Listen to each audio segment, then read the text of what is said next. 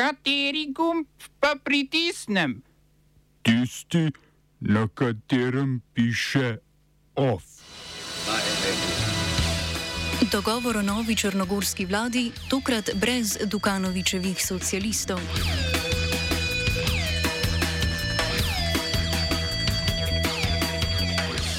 Slovenski tanki v Ukrajino, nemški tovornjaki v Slovenijo. Janševo opravičilo socialdemokratom za izjavo o ukradeni judovski vili.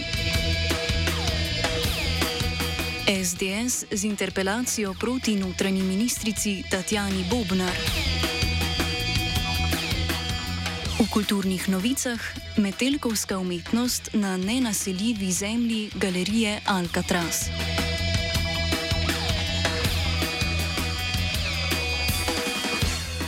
Za novega črnogorskega premijeja je skupina poslancev trik pred iztekom roka predlagala poslanca in predsednika stranke Demos Miodraga Lekiča.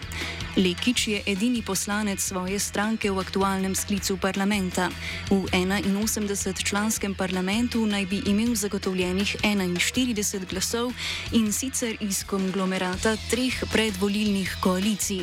Za prihodnost Črne Gore, v kateri izstopa Vučičevska stranka Srbov Demokratska fronta, liste Mir je naša nacija okoli stranke Demokratska Črna Gora in liste Ura, ki jo vodi premijer v odstopu Drita. Dušan Abazovič.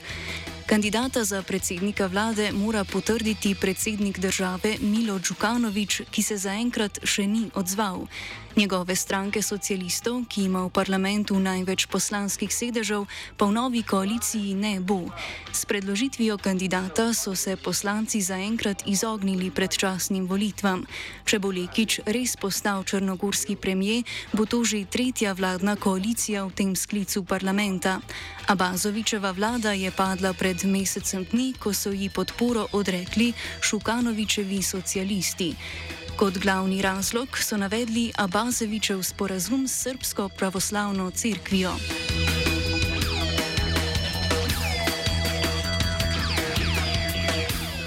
Skrajno desna stranka Bratje Italije, ki se ji na nedeljskih volitvah nasmiha zmaga, je kandidata za poslavca Kalogera Prizana, Pizana pardon, umaknila iz volilne tekme. Ta je namreč na družbenih omrežjih v preteklih letih večkrat hvalil Adolfa Hitlerja, voditeljico stranke Giorgio Meloni pa je označil za moderno fašistko, kar je po njegovem nekaj dobrega. Bratje Italije so se od njegovih zapisov z umikom kandidature distancirali, a dejstvo je, da korenine stranke ostajajo fašistične. Meloni bo, vsaj sodeč po anketah, postala prva italijanska premijejka, desno koalicijo pa naj bi sestavljali še desničarska stranka Liga, nekdanjega notranjega ministra Mateja Salvinija in stranka Naprej Italija, nekdanjega premijeja in milijarderja Silvija Berlusconija.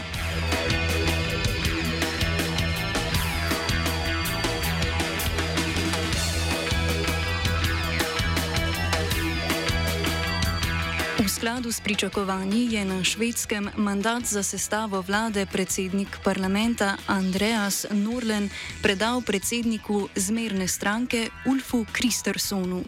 Ta velja za vodjo desnega bloka, ki je tesno zmagal na nedavnih parlamentarnih volitvah.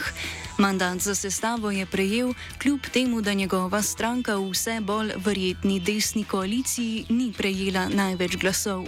Zmerno stranko so med desetimi strankami namreč prehiteli skrajno desni švedski demokrati.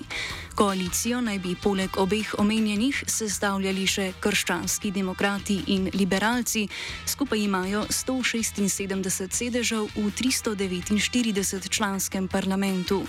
Do prisega nove vlade bo tehnično vlado vodila dosedanja socialdemokratska premijejka Magdalene Anderson.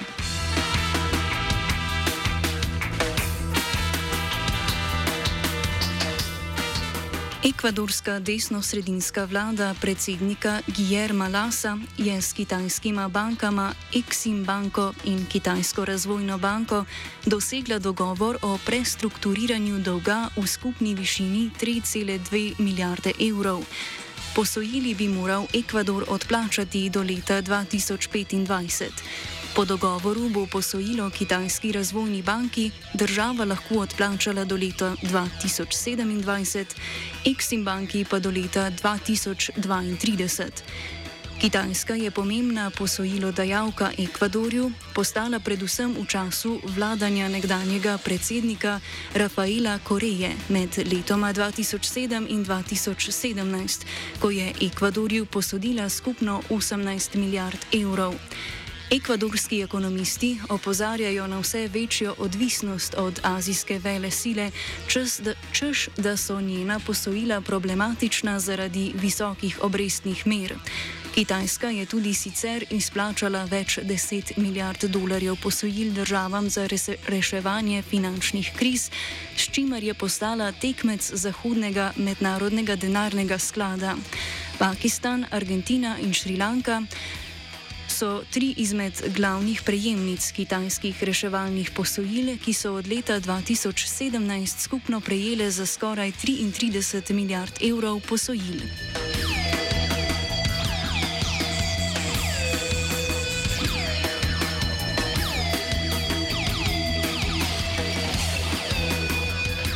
Ekvatorialna Gvineja ima nov kazenski zakonik, ki ukinja smrtno kazen. Spremembe, ki jih uvaja novi zakonik, je že podpisal predsednik države Teodoro Obiang Ngueman Basogo, ki je na oblasti že več kot 40 let. Z novo zakonodajo se je že strinjal tudi parlament, v katerem je 100 poslancev, vsi pa pripadajo vladajoči demokratični stranki Ekvatorialne Gvineje. Zadnja uradna usmrtitev v državi je bila sicer izvedena leta 2014, a mednarodne organizacije opozarjajo na številna izginotja, nezakonita pridržanja in mučenja v državi.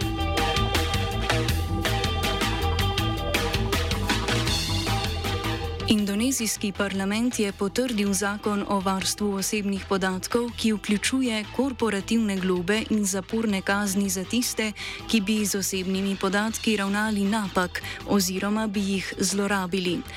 Oblasti lahko podjetja oglobijo v vrednosti do 2 odstotkov letnih prihodkov podjetja, premoženje podjetij lahko tudi zasežejo. Posamezniki bodo lahko za zlorabe kaznovani z do 6 meseci zapora. Uporabniki aplikacij lahko od podjetij ponovem v primeru zlorabe osebnih podatkov zahtevajo odškodnine. Zakon so pripravljali od leta 2016, nastal pa naj bi na osnovi zakonodaje Evropske unije. Poslanci so ga potrdili potem, ko je v zadnjem času v Indoneziji prihajalo do kršitev varstva in objav podatkov strani državnih podjetij in institucij. Smo se osamosvojili, nismo se pa osvobodili.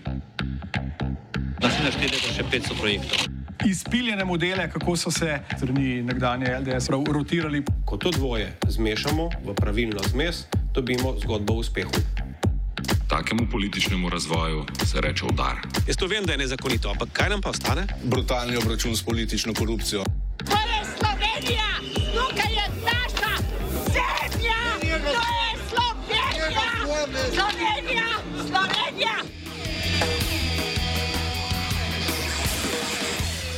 Slovenska demokratska stranka je napovedala uložitev prve interpelacije v času vlade Roberta Goluba.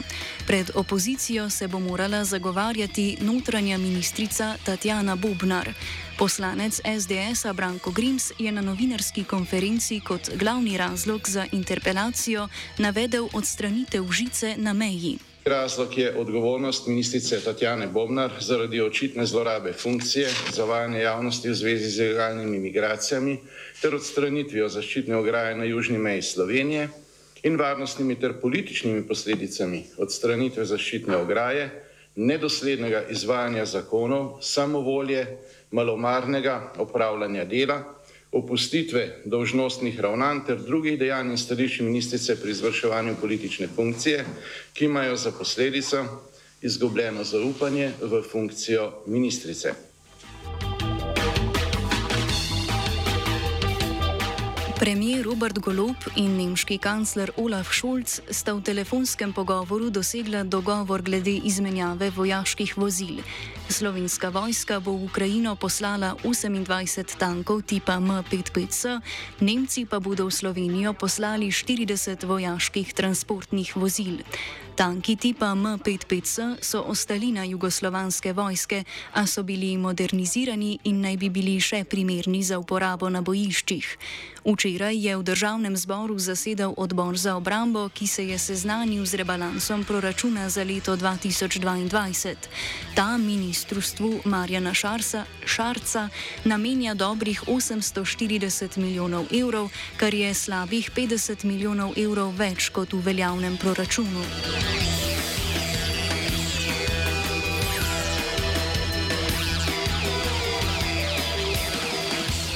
Mlado forumaši se veselijo. Vodja opozicije in predsednik Slovenske demokratske stranke Ivan Janes Janša se je na družbenem omrežju Twitter opravičil socialnim demokratom zaradi svojih zapisov o ukradeni judovski vili, v kateri ima sedež stranka Tanje Fajun. Opravičil se je z objavo fotografije iz sodbe in sicer danes ob enih zjutraj. Socialni demokrati so Janšo tožili zaradi 15 zapisov na Twitterju, ki po njihovem posegajo v ugled in dobro ime stranke. Okrajno sodišče v Velenju je socialdemokratom prikimalo, Janša pa se je zupr odločitev pritožil. Celsko više sodišče je na to pritrdilo odločitvi Velenskega okrajnega sodišča.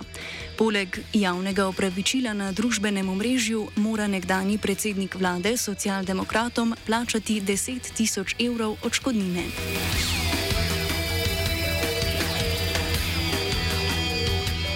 Sodnika na Evropskem sodišču za človekove pravice Marka Bošnjaka so so drugi izvolili za enega od dveh podpredsednikov sodišča. Bošnjak je na omenjenem sodišču sodnik od leta 2016 in je na najvišjem Evropskem sodišču tretji sodnik iz Slovenije. Prvi je bil trenutni pravniški magistr Slovensk Mag. Pravniški mag slovenske desnice Peter Jambrek, za njim pa je mesto zasedel kraj teorij zarud Boštjan Marija Zupančič.